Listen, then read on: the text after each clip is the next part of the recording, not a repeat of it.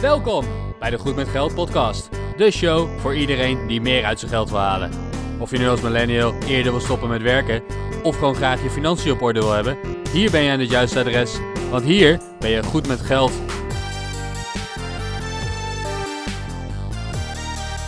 Welkom bij aflevering 67 van de Goed met Geld podcast. Vandaag de gast is een echte madame. Een marketingmadame wel te verstaan. Irene is specialist in online marketing, maakt haar eigen tassen, is dol op geel, ze vlogt, blogt en podcast en is vandaag bij ons te gast in de studio. Goedemorgen Irene. Wat een mooie intro. Ja, graag gedaan. Kan, kan ik je inhuren? Ja, wij schrijven altijd een, eh, een intro speciaal voor onze gast Irene. En ik denk dat we je heel kort al hebben geïntroduceerd. Maar ja, onze gasten kennen jou niet. Dus eh, kan je kort even wat over jezelf vertellen, zodat in ieder geval iedereen weet eh, wie er aan de andere kant van de lijn zit? Goh, jeetje, de- als je die vraag nou eerst had gesteld in die e-mail van je. Eh, ja, ik ehm, help in het dagelijks leven eh, ondernemers met hun online marketingvragen. En dat kan eigenlijk over van alles gaan. En ik vind daarbij persoonlijke benadering heel erg belangrijk. Dus ik zit ook vaak naast de mensen om ze te helpen. En ja, s'avonds en in het weekend ontwerp ik dus mijn eigen lederen tassen. eh, en maak ik ze ook zelf. Ehm, en ja, ik denk dat je mij wel echt ondernemend kan noemen, omdat ik dag in dag uit wel bezig ben met het kijken wat ik kan optimaliseren aan mijn, eh, aan mijn bedrijf. Dus dat, denk ik. Nou, mooie introductie. En iedereen die nu meteen afvraagt, waarom is Irene dan i- te gast in de Goed met Geld podcast? Nou, ik ken Irene persoonlijk, dus dat scheelt al meteen. Eh, ik ken Irene ook als ondernemer. En ja, ik, ik zie zoveel van Irene voorbij komen dat ik denk van ja, die, die is zo eh, heftig daarmee bezig en zo gedreven daarin. Maar wat is dan haar financiële aspect? En daar ben ik gewoon heel benieuwd naar. Dus nou, vandaar dat we je ook eh, uit hebben genodigd in deze podcast, Irene. Dus eh, daarom ook meteen eigenlijk de allereerste vraag. Wat is jouw relatie met geld? Ja, een haat-liefde verhouding, denk ik. Ja, bij mij is het zo, eh, ik, ik kan heel goed, althans ik vind het heel leuk om geld te verdienen, maar ik vind het ook heel erg leuk om uit te geven. Dus Wie, wie niet hè? ja, ja, dus dat is vaak het probleem. Dus je moet altijd zorgen dat er meer binnenkomt dan dat er uitgaat. Tot, ehm, Lu- lukt dat ook? ja, tot dusver wel. Ja, nee, dat is heel, dat is heel goed. Zeker als je voor jezelf werkt is dat, eh, is dat wel belangrijk. ja, zeker. Je reageert ook best wel meteen van... Ja, dat, je reageerde meteen met ja. Eh, hou je dat dan bij? Of hoe, hoe ja, doe je dat zeker. dan? Ik ben daar best wel gestructureerd in, ook voordat ik ging ondernemen. Ik ben heel Excel-sheet. en daarin staat gewoon letterlijk wat er binnenkomt en wat er allemaal uitgaat. Eh, en nu ik onderneem, zet ik echt bewust een derde van wat er overblijft naar mijn kosten apart. Dus dat spaar ik sowieso al. Dan kijk ik wat ik nog meer wil sparen in, binnen mijn bedrijf. En dat wat daar overblijft gaat naar mijn eigen, eh, ja, eigen rekening. Geef ik mezelf loon. En daarbij kijk ik ook weer wat ik ga sparen en wat ik uit ga geven. Dus ik ben daar wel heel erg gestructureerd mee bezig om te kijken ehm, hoe ik dus ook geld overhoud aan het einde van de maand. Ja, wat, wat cool. En eh, die een derde, is dat dan echt eh business technisch dat je het moet sparen? Want ik, ik heb met Bas wel eens over BTW en alles gesproken en, en al dat soort dingen. Ja. Kan je daar iets meer over vertellen? Ja, het is eigenlijk omdat mijn boekhouder dat heeft gezegd. Die zei altijd van, eh, ja, reken er maar op dat als je dan belasting moet gaan betalen, dat dat dan een derde is. Dus ergens is dat in mijn hoofd blijven hangen. En ik denk, nou, dan is die in ieder geval safe. Dan staat er een derde apart. Kan, kom ik niet aan. Kan er niks gebeuren. Dus Die is echt voor je, voor je inkomstenbelasting dus. Ja, maar tot dusver heb ik daar dit jaar nog geen last van. Althans, over 2019 heb ik daar nog helemaal niet mee te maken. Dus het is nu gewoon een hele extra mooie pot, als het ware. Nou, dat is fijn. Dan heb je eh, zakelijk een mooie buffer. En ook als je dan een periode geen opdracht hebt, misschien kan je toch eh, ja, da- daarvan een tijdje doorkomen. Zeker, eh, onlangs crashte mijn laptop voor de derde keer. Toen dacht ik, nou, nu is het toch wel tijd voor een nieuwe. Ja, en die andere laptop had ik nog maar anderhalf jaar. Dus ik had nog niet gerekend op een nieuwe. Dus ja, dat kon ik dan mooi van die buffer afhalen. Ja, precies. Goed, goed, be- goed bezig. En je geeft ook aan van hè, wat, wat er overblijft betaal ik mezelf uit. Is dat dan Ja. eh, betaal je zelf een soort vast nou, ja, tussen quotejes en salaris? Of, Schattig, hè? Ja, of, nee. of, doe je wat, doe, of doe je wat er overblijft en, en zie je maar of het genoeg is? Ehm, ja, dat meer eigenlijk. Want ik verdien, ja, ik ben nu anderhalf jaar voor mezelf bezig, denk ik. Zoiets, bijna twee. Eh, Dus ja, het is nog niet heel erg stabiel aan, aan inkomsten. Laten we eerlijk zijn, de ene maand gaat beter dan de andere maand. En dan eh, kijk ik gewoon wat er overblijft. En ja, daar moet ik het dan maar mee doen. Dan geef ik dan mezelf wat minder kleedgeld als het ware. Ja, zo werkt dat. Ja, precies. Maar goed, je kunt er van rondkomen, gaf je al aan. Je, Ja. je, kan, je kan in privé ook nog wel wat sparen, denk ik. Ja, zeker. Ja. Doe je dat ook heel bewust? Eh, ik heb dus ook echt bewust een, een potje voor bijvoorbeeld auto. Ik geef mezelf dus ook bewust eh, geld voor kleding, kapper, een schoonheidsspecialist en schoenen. Een bewust potje voor vakanties en tripjes. Dus ja, daar ben ik wel heel bewust mee bezig. Dat ik overal wel mijn geld over verdeel. Niet dat ik aan het einde van het jaar denk, ja, ik had wel leuk iets willen kopen, maar ik heb het nu niet. Dus nee, dat heb ik allemaal uitgerekend wat ik elke maand apart moet zetten in welk potje. Ja, je bent dus gewoon goed met geld, kunnen we wel zeggen. Nou ja, misschien kan je er nog wat van leren. Ja. Nou, wat, wat, wat zou je anderen dan, hè, als, als we het dan toch over goed met geld hebben en eh, je zegt, misschien kunnen we er wel wat van leren. Wat, wat is dan een tip die je iedereen misschien wel wil geven? Gewoon nu aan het begin van deze podcast al. Ja, veel mensen die zeggen dan, ja, ik zou eh, volgend jaar wel een nieuwe auto willen kopen. En dan zegt ze, ja, maar dan vraag ik, oké, maar weet je hoe duur zo'n auto is? Ja, nee, ja, ik denk dat ik dat model wil. Ik zeg, maar hoeveel heb je dan al gespaard? Ja, nou, ja, ja nog niks. Ja, ik kijk dus heel bewust naar wat ik wil hebben over een aantal jaar. En dat verspreid ik dan met, met alle kosten en verzekeringen van dien. En dat zet ik dus ook elke maand netjes apart. En dan kan ik dus ook daadwerkelijk die auto kopen zoals ik afgelopen jaar heb gedaan. Want ik had het geld gespaard. Ik wilde hem graag. Ik heb er een goede deal uitgesleept. Dus ik heb hem. Omdat ik dus zo consequent ben geweest. Dus eigenlijk ook eh, een, een beetje die, die zelfdiscipline van, hé, hey, ik moet aan de ene kant eh, eerst gaan kijken, wat gaat het me überhaupt kosten? Vervolgens ook nog eens, eh, oké, als ik op, dat, op moment X wil ik dat bedrag hebben, dus in alle tussenmomenten moet ik steeds zoveel sparen. Ja. En vervolgens dus daar ook echt actie uit ondernemen. Ja, en dat is dus echt wel langer termijn denken. Want natuurlijk zie ik tussendoor ook heel veel leuke dingen die ik wil hebben. Zoals nog een paar nieuwe schoenen en nog een mooie jas. Maar dan denk ik, ja, maar dat gaat hem nu even niet worden. Want ik wil op de lange termijn wil ik dat hebben. Ja, dat gaat er dus elke keer als ik iets wil kopen in mijn hoofd af. Oh, wat goed.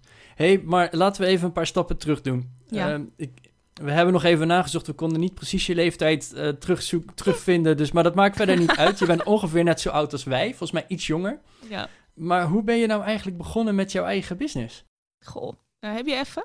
Ja hoor. Oké, nee, ik, ehm, ik heb small business en retail management gestudeerd. En in het ehm, tweede jaar mocht je je eigen onderneming starten.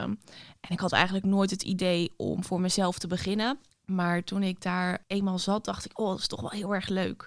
Dus in het tweede jaar begon ik met Twip, mijn tassen. En eh, ik was eigenlijk altijd zo'n muurbloempje achter in de klas. Zei niks, deed gewoon braaf wat haar gevraagd werd. En met Twip moest ik wel.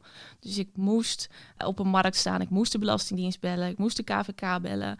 En daardoor ontpopte ik het een beetje. En ben ik echt gaan ondernemen. Want je, wordt, je staat op zo'n markt en dan denk je... ja, mensen lopen voorbij, maar ze zien nu die tas niet. Oh, dan moet ik een kaartje hier neerzetten.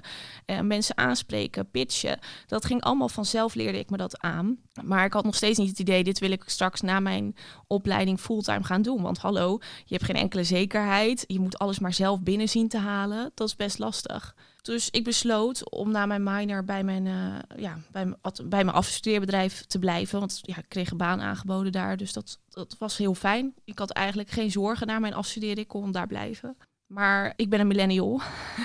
en millennials hebben bepaalde eigenschappen die niet zo goed ehm, samengaan met wat oudere generaties. Vertel. Ehm, nou, ik, Wat, wat ging er niet zo lekker? Ja, dat, dat eh, is iets dat is best lastig om via een podcast uit te leggen. Maar ja, op een gegeven moment klikte het gewoon niet met mijn, eh, met mijn leidinggevende en eh, ja, met, met, met mij. Dus toen werd ik heel snel heel ongelukkig op de plek waar ik zat. En toen besloot ik ook, ik moet hier weg. Want ik wil niet, elke keer, elke dag werd die drempel hoger om naar mijn werk te gaan. En toen ben ik heel snel gaan solliciteren. En kwam ik bij een heel klein marketingbureau terecht. Zo klein, ik werkte dus eigenlijk voor de ondernemer zelf. En ja, zij was. Ik heb van haar heel veel geleerd. Maar ze was ook ergens op het punt van: ik heb geen zin om achter nieuwe klanten aan te gaan. Eh, ze had geen creativiteit om een offerte bijvoorbeeld commercieel op te stellen. Ze zag bepaalde dingen niet. Ze leerde niet meer bij. Dus elke keer dacht ik: oh, als ik voor mezelf zou beginnen, zou ik dat doen. Of zou ik het zus aanpakken. Dus het begon al een beetje te kriebelen van: ja, maar wat zij kan, dat kan ik ook. En ehm, toen ik op vakantie was, ben ik dus mijn homepagina. Ik had namelijk marketing met hem was eerst een blog. Eh, ben ik mijn homepagina aan de achterkant gaan aanpassen voor een zakelijke website. ik ben van alles eh, gaan regelen, zoals het logo omzetten. Want het was dus eerst een blog, dat moest een zakelijk logo worden. Ehm, ik heb visitekaartjes laten drukken voor mijn vakantie. En ik kwam terug van, van mijn vakantie. En op maandag kon ik mijn nieuwe visitekaartjes ophalen. En op dinsdag kwam ik op, op werk. En zij doet de deur achter zichzelf dicht. En ze kijkt me aan. En ik denk dat het kunnen twee dingen zijn. Of ze is nu zwanger. Of ze vertelt me dat ze stopt met ondernemen. Dus eigenlijk, ze stopt sowieso, want als je zwanger bent, hè, dan is er ook een periode dat je even niet gaat ondernemen. Ja, oké, maar veel ondernemende vrouwen gaan gewoon door. Maar dat was dus de tweede, ze stopte met ondernemen. En uh, ze zat eigenlijk een beetje wat ze met mij aan moest, want tijdens mijn vakantie had ze dus al ergens gesolliciteerd en had ze kans op een baan. Maar ja, uh, ze zat nog met een werknemer met een contract tot oktober. Oh, dus ja. uh, ik zei van, nou ja, ik had eigenlijk geen zin om weer te gaan solliciteren, om weer voor iemand te werken. Want wat, het gebeur, wat veel gebeurt in het marketingvak, is dat je dan bij een groot bedrijf terechtkomt. Dat lijkt me heel gaaf. En Coolblue leek me gaaf, WebNL leek me gaaf. Maar wat word je dan? Dan word je bijvoorbeeld content marketeer en ben je dus de hele dag bezig met content. En ik hou juist van die diversiteit in mijn werk. Ja, dus niet alleen maar de stukjes schrijven van dit product is X, X en X. Nee. Uh, maar echt ook de, de gedachte daarachter en waarom. En, ja, het, het en ook de vrijheid van zelf kunnen bepalen hoe jouw dag in elkaar zit. Uh, wat jij wil gaan doen. Ja, dat, dat vind ik heerlijk. Dus ik zei al snel tegen haar, binnen vijf minuten zei ik, nou, ik ga voor mezelf beginnen en onder de naam uh, Marketing met hem. En we gaan kijken of we jouw klanten over kunnen krijgen naar mij. Dus toen belde ik ook snel een vriendin met haar eigen kapsalon. En ik mocht in haar, uh, haar pand, mocht ik mijn kantoortje beginnen. Dus ja, ik kon ook alle inboedel mocht ik meenemen in ruil voor die twee maanden loon, zeg maar. Ja, die, ja, die dus niet meer doorgingen. Dus ik zei van nou, uh, 1 september kunnen we van elkaar af zijn, als het ware. Oh, wow. Dus, Ja. ja, Wel gaaf als je zo op die manier kan starten, want je neemt meteen ja, een, een portefeuille aan klanten mee. nou, Of viel, of viel, dat, of viel dat tegen? ja, zij, ze was heel goed in haar werk en daardoor waren de bedrijven gegroeid. En was zij eigenlijk overbodig geworden omdat ze dus een marketing een medewerker in dienst namen. Mhm. Dus eigenlijk had ze nog maar twee klanten over. Waarvan één al niet zo goed was in de communicatie. Dus daar had ik helemaal niet zoveel aan. Dus eigenlijk begon ik met één volwaardige klant. Het is wel een leuke uitdaging om, uh, om jezelf uit te mogen bouwen. Ja, zeker. Zeker. En het is, weet je, er zijn ondernemers die starten met niks. Ik had één klant, dus daar mag ik al heel blij mee zijn. Ja. hey, ik ga nog even terug in jouw uh, mooie, best wel lange verhaal, maar daar hebben we gelukkig de tijd voor. Jij Sorry. gaf aan... Nee, nee, ik vind het alleen maar interessant. Uh, jij gaf aan van ja, ik, tijdens mijn opleiding, toen heb ik mijn uh, tassenonderneming gestart. Ja. En daar, ja, ik, ik moest nu opeens, hè, normaal kon ik een beetje afhankelijk zijn van anderen. Hoe doe je dit, hoe doe je dat? En, Ja. dat, dat, en nu moest ik het zelf uitzoeken. Ik moest zelf, ja, de, de, de hele gedachtegang erachter. Oh, deze tas wordt niet gezien, dus die moet meer naar voren. Oh, dit, oh, dat en, en uh, al dat. En ja, je gaf zelf wel aan, ik was een beetje een muurbloempje. Ik was er wel, maar ik was niet op de voorgrond. Waar ik dan heel benieuwd naar ben, van oké, maar nu moest je het zelf. Is dat dan eigenlijk ook meteen een voordeel dat je het zelf uit moet zoeken? Kan je daardoor misschien wel dichter bij jezelf blijven, terwijl je het toch aan het doen bent of zo? Ja, zeker. Ik vind het ook heerlijk om mezelf elke keer weer in het diepe te gooien. ik denk dat dat wel uh, typerend is voor mijn leven. En ja, omdat je dus moet, kan je dus inderdaad zelf uitzoeken hoe, iets moet. Weet je, op school leren we pitchen en dan is het ja, 60 seconden, vertel maar wat je, uh, wat je verkoopt. En nu kan je dat dus elke keer als er een klant voor mijn kraampje kwam, kon ik dat optimaliseren. En uh, meten op wat wel werkte en wat niet werkte. En dat is toch heel anders. Dan maakt het inderdaad eigen en je kan ook gelijk testen of iets werkt. Ja, oh wat tof. Hey, je noemt het beroepsdeformatie, maar je, je geeft aan uh, meten of iets werkt. Uh, ja. Hoe, hoe, hoe, deed je dat? En, en doe je dat nu nog steeds? Ja, um, ja, bij Twip is dat gewoon veel makkelijker, omdat ik heel veel mensen natuurlijk langs zo'n kraampje heb. Dus uh, mijn meetgraad was, als ze blijven staan, vinden ze het interessant. Dan vertel ik op de juiste manier uh, wat ik verkoop. Mhm. Mm -hmm. En uh, bij marketing met hem merk ik dat snel als ik mijn verhaal afsteek van... Oh, maar kan jij dat dan ook? Dat is het moment waarop ik kan inhaken. Ja, nee, ik kan hele leuke dingen voor je doen. We kunnen dit doen en dat doen. En dan vervolgens zijn ze om. Dan willen ze het ook. Dan willen ze het ook proberen. Je merkt met name in de gesprekken die je voert uh, um, of het aanslaat of niet, of jouw pitch werkt of niet. Ja, en ja. vaak is dat, dat is ook uh, bij marketing met hem, zodra iemand op gesprek komt, is het eigenlijk een klant. Uh, ik okay. weet niet waardoor dat komt. Misschien omdat mijn website heel helder is, of omdat ze me via via kennen, of omdat het gesprek heel goed loopt. Maar vaak is het offerte en dan klant. Goed bezig. Ja, nou, dan kan je goed verkopen. Dat is, eh, dat is een goede eigenschap als ondernemer. Ja, soms denk ik wel eens, ik ben het verkeerde beroep gaan doen. Ja, Je had eigenlijk gewoon sales manager moeten worden of zo. Ja, had ik misschien meer verdiend. Ja, het, eh, het, is niet, het is niet te laat om eh, te wisselen. hè, als je Nee, dat wil. is waar. kan altijd nog. Je geeft aan, had ik misschien wel meer verdiend. Ik ga niet meteen naar je salaris vragen, want dat, eh, eh, dat vinden we niet het allerbelangrijkste. Nee. Maar ik weet toevallig, je woont nog thuis. Ja. Eh, dus hè, daar, dat scheelt gewoon in de kosten. Laten we heel eerlijk zijn. Ja, zeker. Of, of je moet inderdaad gigantisch veel kostgeld moeten betalen. Dat, dat weet ik eigenlijk niet. Maar goed, hè, dat, dat zijn wel dingen die je als ondernemer... Ja, die dan toch wel van invloed zijn, laten we dat zo zeggen. Eh, hoe zie jij dat? Zie je dat als voordeel dat je nog thuis woont? Zie je het als nadeel dat je nog thuis woont? En hoe ga je daar nu mee om? Van, hè, eh, ja, je moet straks toch wel ergens een keer uitvliegen. Of tenminste, dat lijkt me wel de bedoeling. ja. Bereid je je daar nu al op voor? Je, je gaf al aan dat je zo goed met je administratie bezig bent. Kan je het überhaupt wel van je salaris betalen? Laten we het zomaar even vragen. Ja. Eh, ik denk dat dit echt de, perso- de grootste persoonlijke struggling is die ik de afgelopen maanden heb gehad. Omdat het iets is, ja, sommige mensen die kiezen dus voor een baan.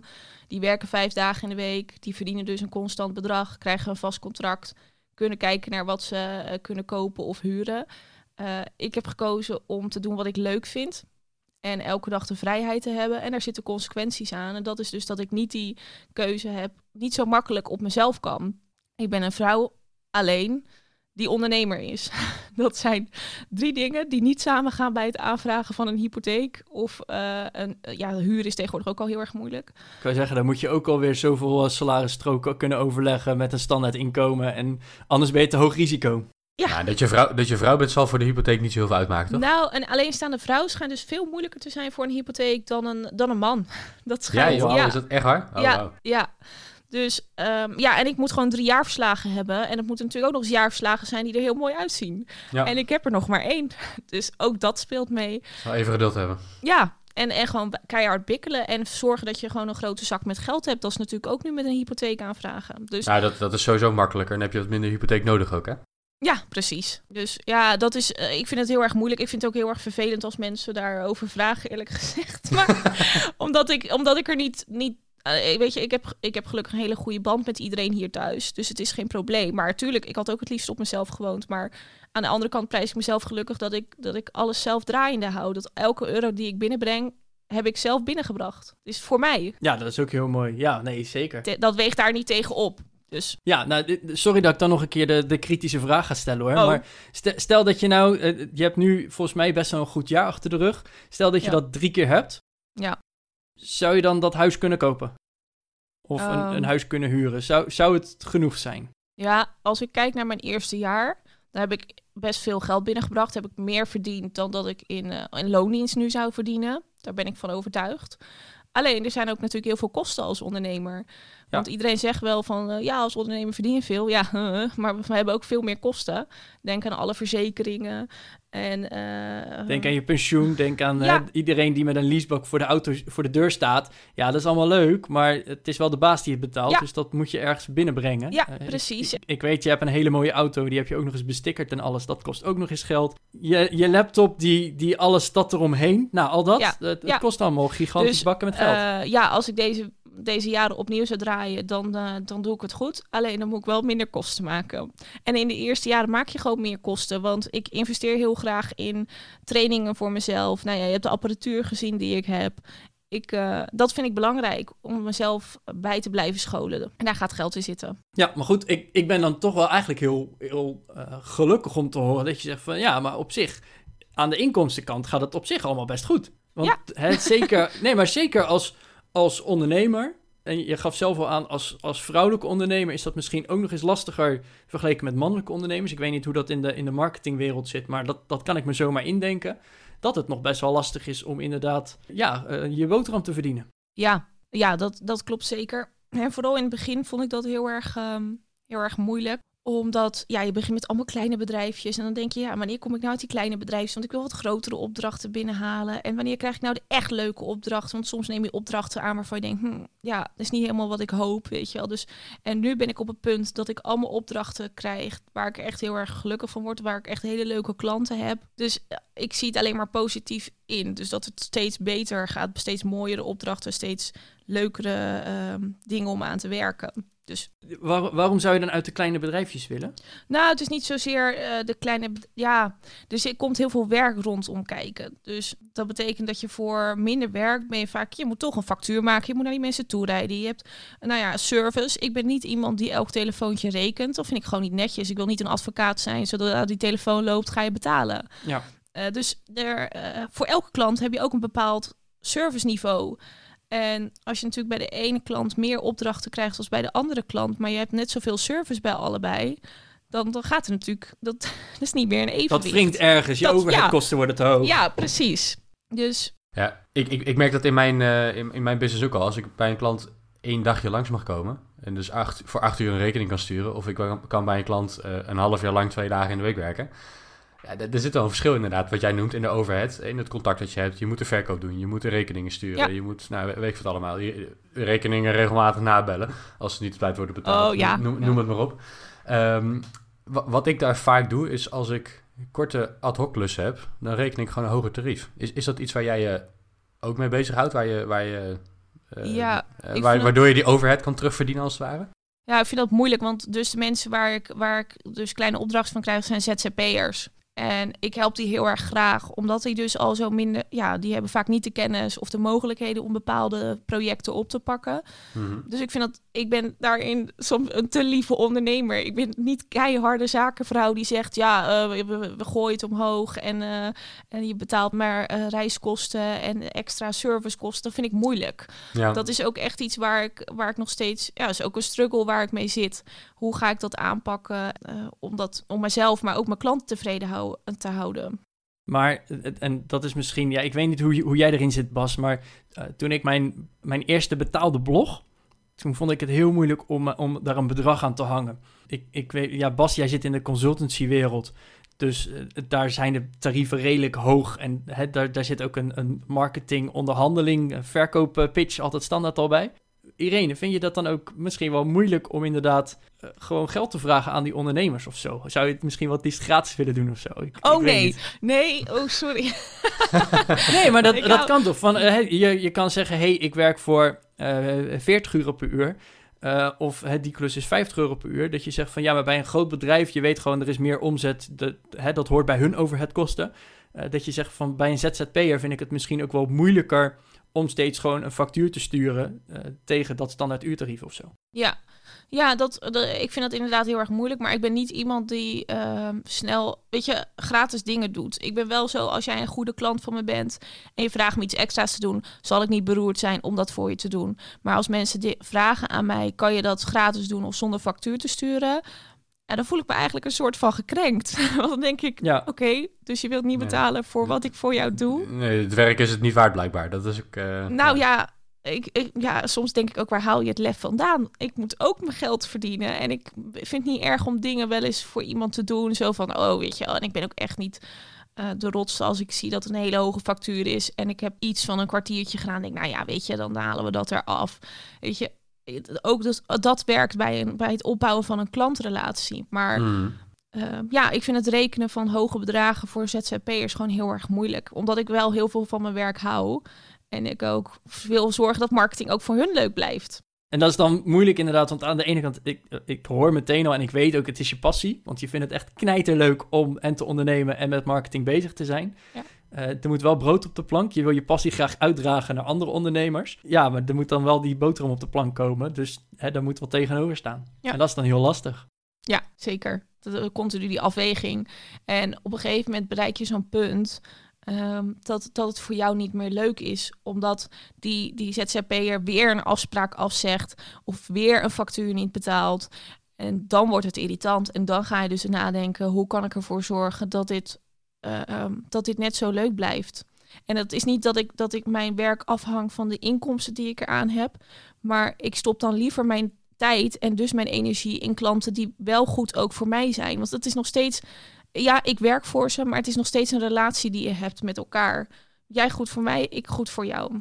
Ja, en het is een wisselwerking. Hè? Kijk, op het moment dat je, je, je zegt van nou, ik, ik werk niet per se voor het geld, maar je, je hebt toch wel wat geld nodig om te kunnen leven.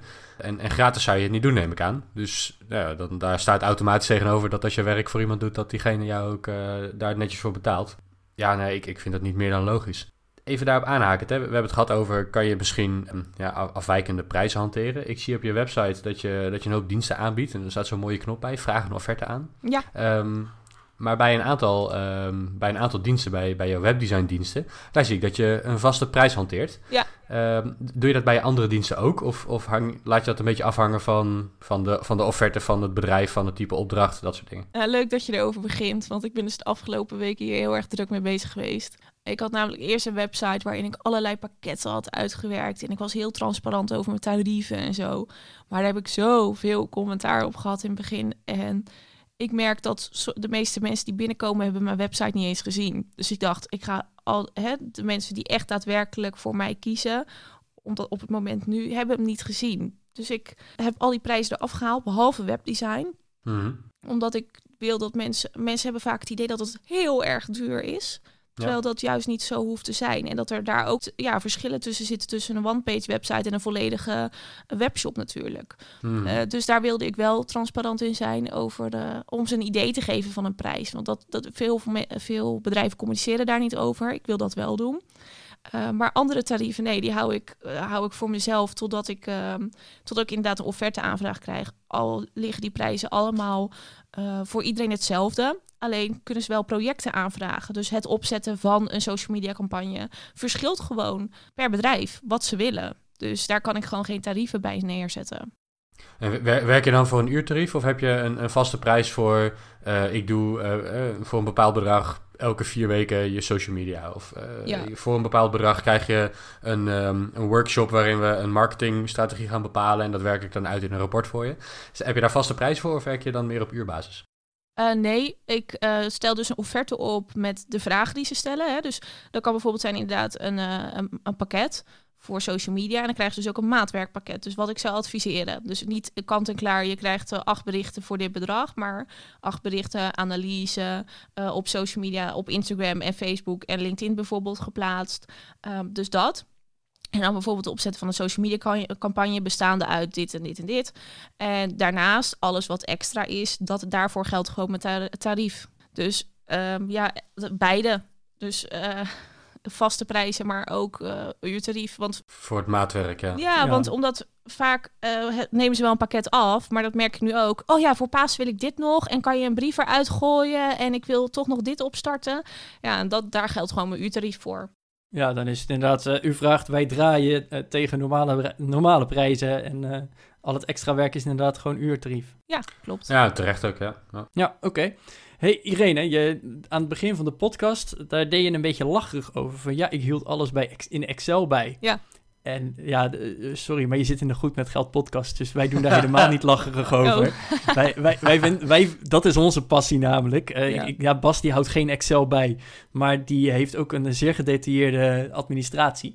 Ja. Uh, ik, ik hou wel een gigantisch Excel bij.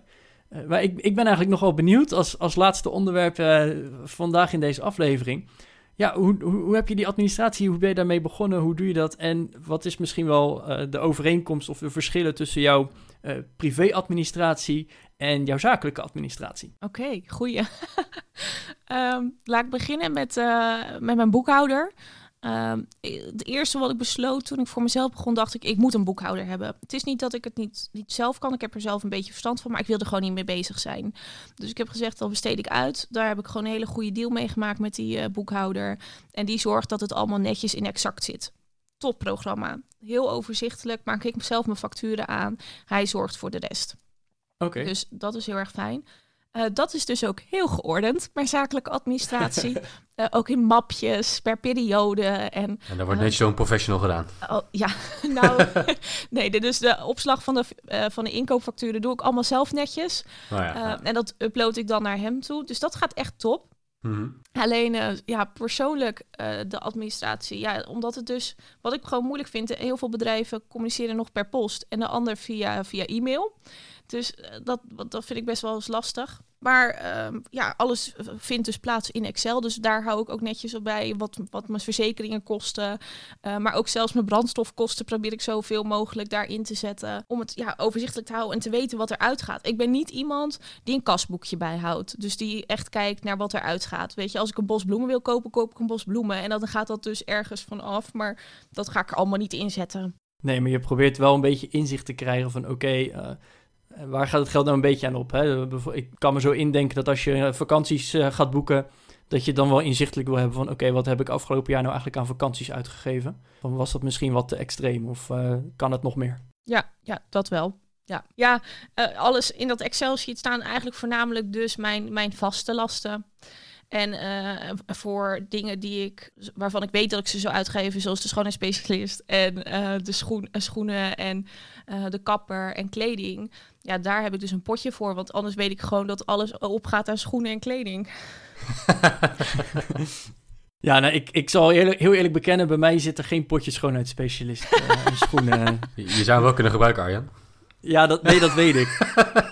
Dat, eh, Ja, je lacht erom, maar die dingen zijn duur hoor, die mensen. Oh, dat geloof ik, ja. ja. Oh, maar als, als ik schoenen ga kopen, dan ben ik ook gewoon... eh, ik, ik kan niet eh gimpies van eh, drie, vier tientjes kopen. Dat, eh, dan heb ik meteen last van mijn voeten, mijn rug, Nee, maar dat vind ik ook gewoon belangrijk. Als ondernemer wil je er ook netjes uitzien. Dus Ja, nee, zeker eens, zeker eens. hey, en hou je dan heel stiekem nog ergens een spaarpercentage bij? Want je bent natuurlijk aan het sparen voor hè, misschien op jezelf gaan wonen... of nou, überhaupt geld apart leggen. ja. Eh, heb, weet je dan toevallig ook je spaarpercentage? Daar ben ik wel heel Oh, benieuwd jeetje. naar. Nou ja, ik denk dat ik dan maar eh, voor zo'n dashboard moet gaan waarin ik dat bij kan houden. Maar nee, eh, ik, ik weet gewoon dat er, dat er heel veel gespaard wordt. Eh, allereerst die een derde. En dan van alles wat ik, wat ik privé krijg, gaat er denk ik ook nog meer dan de helft naar een spaarrekening. Oh, wat goed. Ja, niet ook eh, beschuldigend van, oh, je weet het niet. Hè? Dat, eh, wij, wij hebben namelijk een aflevering gemaakt en we zullen hem ook even in de show notes op, opnemen. Eh, we hebben een aflevering gemaakt van, ja, kunnen we nou ook goed met geld zijn zonder administratie? En geloof mij, mensen kunnen dat ook. Dus geen zorgen als je... Ik, ik vind al heel wat inderdaad dat je een administratie hebt, want heel veel mensen hebben die niet.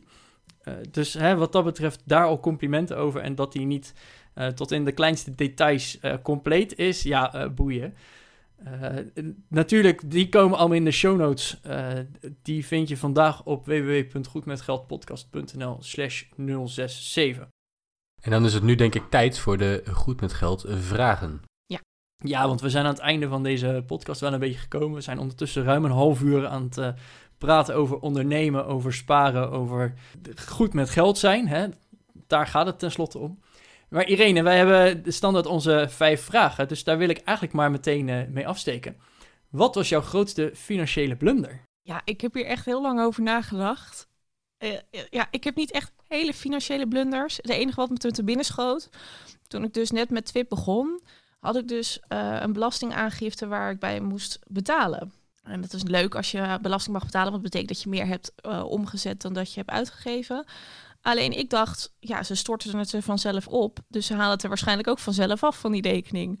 Eh, dat schijnt dus zo niet te gaan bij de Belastingdienst, kwam ik Nee. achter. Want een paar, een paar weken later kreeg ik een, ehm, een, ja, een soort van boete.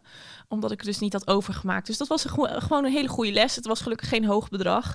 Ehm, maar ja, dus dat is gelijk een tip voor mensen die willen ondernemen. Als je belasting moet gaan betalen, moet je het ook zelf overmaken. Nou, laten we het meteen ook een, als tip voor de Belastingdienst opnemen. Van, hey, als je nou geld wil innen, doe het dan lekker met automatisch incasso. Dan Nou, scheelt het ons allemaal boetes. Nou, dat doen ze ook al een klein beetje. Als je de BTW moet betalen, dan, dan moet je dat wel zelf doen. Hè, Dat kan één keer per jaar zijn of één keer per kwartaal, een beetje afhankelijk van hoeveel omzet je hebt. Die moet je echt zelf overmaken. Maar de, de inkomstenbelasting, hè, waar jij nu je een derde voor spaart, Irene, waar, waar ik ook een deel van mijn winst voor opzij zet. De eerste twee jaar, geloof ik, mag je die ehm, achteraf overmaken. Maar op een gegeven moment, als, eh, als ze bij de Belastingdienst een beetje in de gaten hebben van hoeveel verdient iemand nou hè, over de afgelopen paar jaar als ondernemer, dan ga je ook gewoon een, eh, een voorlopige aanslag krijgen. En, en volgens mij wordt die wel gewoon elke maand netjes geïncasseerd. Ja, die wel, ja. Ja, dus dan, eh, dan zijn daar in ieder geval iets minder fouten in te maken. Dat, dat scheelt alweer. Precies. Oké, de tweede vraag. Ehm, Irene, wat is iets dat jij nu kan, maar dat je eigenlijk vijf jaar geleden al had willen kunnen? Uh, ik denk voor mezelf opkomen. Goh, klinkt heavy hè. Ehm, zoals ik zei, ik was dus dat muurbloempje wat altijd gewoon deed wat haar gevraagd werd. En, uh, en nu heb ik geleerd dat ik, dat ik ook heel goed zelfstandig kan zijn. En dus zelf dingen kan bepalen en zelf dingen kan opzetten. En ik had mezelf dat vijf jaar geleden heel graag kunnen vertellen. Dat ik dat, dat, dat, tot die dingen in staat ben wat ik nu aan het doen ben. Want als je het me vijf jaar geleden had verteld, je wordt ondernemer en je gaat je eigen bedrijf opzetten en alles, had ik dat nooit geloofd. Mooi advies. Hey Irene, je, ondertussen, ik, ik wil je toch gewoon succesvol noemen. Want hey, je hebt je eigen tassenbedrijf, je bent super actief op uh, de socials, je hebt je eigen marketingbedrijf uh, met gewoon een prima omzet. Maar waar sta je over vijf jaar? Uh, in mijn eigen huis. oh, een mooi streven. Ja, we gaan, we gaan je er niet aan houden hoor, maar...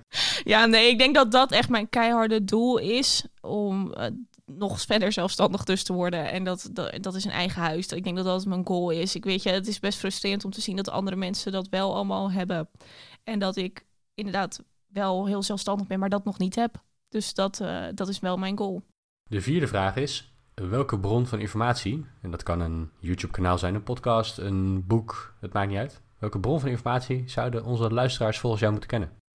Ja, uh, daar heb ik over nagedacht, want ik had die vraag natuurlijk gekregen. En um, ik ben niet iemand die heel veel blogs afgaat. Wat ik wel doe, is mij abonneren op nieuwsbrieven van blogs, zodat ik ze allemaal netjes s ochtends in mijn mailbox krijg. Dat zijn bijvoorbeeld Adformatie uh, en De Ondernemer, Frankwatching. Um, want dan zie ik toch de belangrijkste blogs voorbij komen en dan kan ik ze zelf beslissen of ik ze open en verder uh, lees. Want ik merk dat als ik zelf blogs ga bezoeken, ik blijf lezen. en dan gaat, de tijd wel heel hard. En uh, natuurlijk kan je gewoon marketingmedem.nl uh, bezoeken voor je marketingblogs en video's. Um, en ik volg die partijen ook allemaal op LinkedIn en Facebook, zodat ik daar ook eventueel nog op de hoogte word gehouden van nieuwe blogs met informatie. En ik lees heel veel marketingboeken en voornamelijk van Philip Kotler. De marketingboeken van Philip Kotler. Uh, al deze linkjes die nemen we natuurlijk ook op in de show notes van vandaag. Uh, goedmetgeldpodcast.nl slash 067. Irene, de laatste vraag. En die laatste vraag, dat, uh, dat is altijd vragen naar je advies. En het, het, advies over het onderwerp van de podcast, of hè, waar jij specialist in bent. Maar ja, in deze podcast ben ik er toch al achter gekomen dat ik twee keer deze vraag wil stellen. Dus ik, ik zal ze meteen combineren en dan moet je zelf maar even kijken hoe je hem gaat beantwoorden. Okay. Irene, wat is jouw advies over of misschien wel voor dat muurbloempje wat een eigen onderneming wil starten. Oh. En ten tweede, om überhaupt je eigen onderneming te starten. Dus het is wel een beetje een combi-vraag. Ik ben heel benieuwd. Oké. Um, wat het is, um, muurbloempjes, die zijn al heel erg op zichzelf. Zonder dat we het doorhebben, uh, doen we heel veel dingen alleen, omdat we dus ergens niet bij horen. Dus juist omdat we al gewend zijn om dingen alleen op te pakken, denk ik dat we extra geschikt zijn om ook onze eigen onderneming te draaien. Omdat je dan, je hebt niemand nodig, alleen klanten. En vaak kan je juist heel goed met klanten binden, omdat je dus je eigenlijk altijd al verdiept hebt in de mensen om je heen. Want als muurbloempje zijn we heel goed in het observeren van mensen. En het soms plaatsen in een hokje. En daardoor kun je ze ook heel makkelijk uh, helpen als ondernemer. Omdat je dus precies weet wat voor type mens het is, hoe ze met dingen omgaan. Dus ja, misschien zijn juist de muurbloempjes de verrassende ondernemers, uh, denk ik. Ja, misschien niet de schreeuwerige verkooptypes, maar inderdaad nee. wel heel zelfstandig en daardoor wellicht heel geschikt. Ja, precies. precies Mooi dat. antwoord. Mooie samenvatting. Antwoord, ja. nee, zeker een mooie samenvatting. ik zit erover en... na te denken terwijl je dat vertelt. Ik denk van ja, dat vind ik eigenlijk wel een hele mooie, ja, een hele mooie gedachte, ja. Ja, en stel nou, hè, of je nou muurbloempje bent of niet, wat is je advies om een eigen onderneming te starten? Uh, gewoon doen. En uh, klein denken. Dus um, ik dacht ook niet gelijk, ik wil dit gaan verdienen of ik wil dit opzetten. Ik vind het zelfs nog steeds moeilijk om mezelf ondernemer te noemen. Want ik ben eigenlijk gewoon ZZP'er. Alleen ik heb een hekel aan die term. Dus ik gebruik gewoon ondernemer, want ik onderneem gewoon. Um, en ook niet te veel kosten maken. Ik heb dus de enige bewuste kosten die ik echt gemaakt heb, zijn uh, in het begin was dus de boekhouder. Want ik wilde die organisatie, ja, die administratie gewoon goed op orde hebben. En uh, verzekeringen afsluiten. En verder heb ik eigenlijk weinig kosten rondom, uh, rondom marketing met hem. Dus uh, dat, voorzichtig beginnen. Niet gelijk te veel van de toren blazen, denk ik. Want heel veel ondernemers zie ik op LinkedIn en die vertellen gelijk van alles wat ze bereikt hebben. En vervolgens kom ik in contact met klanten van hun en dan merk ik dat het toch niet helemaal is zoals ze dat op LinkedIn zo mooi vertellen. Dus blijf oprecht, blijf bij jezelf. En hou het soms wat kleiner dan je, dan je in gedachten hebt. Omdat je dan vanzelf wel dat punt bereikt waar je graag wil zijn. Dat je misschien inderdaad wel via de mond-op-mond reclame dan uiteindelijk betere reclame hebt dan uh, op LinkedIn vertellen wat je allemaal bereikt hebt. Precies, ja. Nou, uh, kortom, gewoon doen. En uh, let vooral gewoon op de uitgaven en begin niet te groot. Oké, hey Irene, dankjewel. Waar kunnen we je online vinden? Want hey, als marketing madam moeten we je sowieso online kunnen vinden. Ja. Waar kunnen onze bezoekers je vinden? Goh, heb je even dat is uh, mijn website natuurlijk, marketingmedem.nl. En onder diezelfde naam kun je me ook vinden op Instagram, Facebook en LinkedIn. En um, ja, daar deel ik gewoon regelmatig tips als het om marketing gaat. Ik neem je mee in mijn leven als ondernemer waar ik tegenaan loop. En daarmee probeer ik je ook te inspireren. Dus ik hoop dat mocht je het idee hebben om te gaan ondernemen of iets met marketing te gaan doen, dat ik je daarbij kan helpen op welke manier dan ook. Mocht je nou meer willen weten uh, over Irene en haar activiteiten, check dan ook even de show notes. Uh, want daar nemen we de links op naar deze websites, pagina's enzovoorts. Show notes die vind je, zoals eerder gezegd, op www.goedmetgeldpodcast.nl slash 067. En vond je deze aflevering leuk? Uh, like hem dan even. Dat kan je doen op Spotify, op Apple Podcast of waar je dan ook maar luistert naar onze podcast. Ja, als je een rating en een review achterlaat, dan kunnen meer mensen de podcast vinden. En op die manier kunnen we Nederland goed met geld maken. Irene, dankjewel dat jij uh, op deze donderdag vroege ochtend uh, te gast wilde zijn in onze Goed met Geld podcast. Ik hoop dat je het leuk vond, ook al is geld misschien niet jouw main focus uh, in het ondernemen. Ja, ik vind het eigenlijk jammer dat deze podcast voorbij is, want ik vind het eigenlijk wel gezellig. nou, wie, wie weet komt er nog een keer een deel 2 met Irene. Ja. Irene, dankjewel. En dan rest mij niets te zeggen dan tot volgende week. Tot volgende week.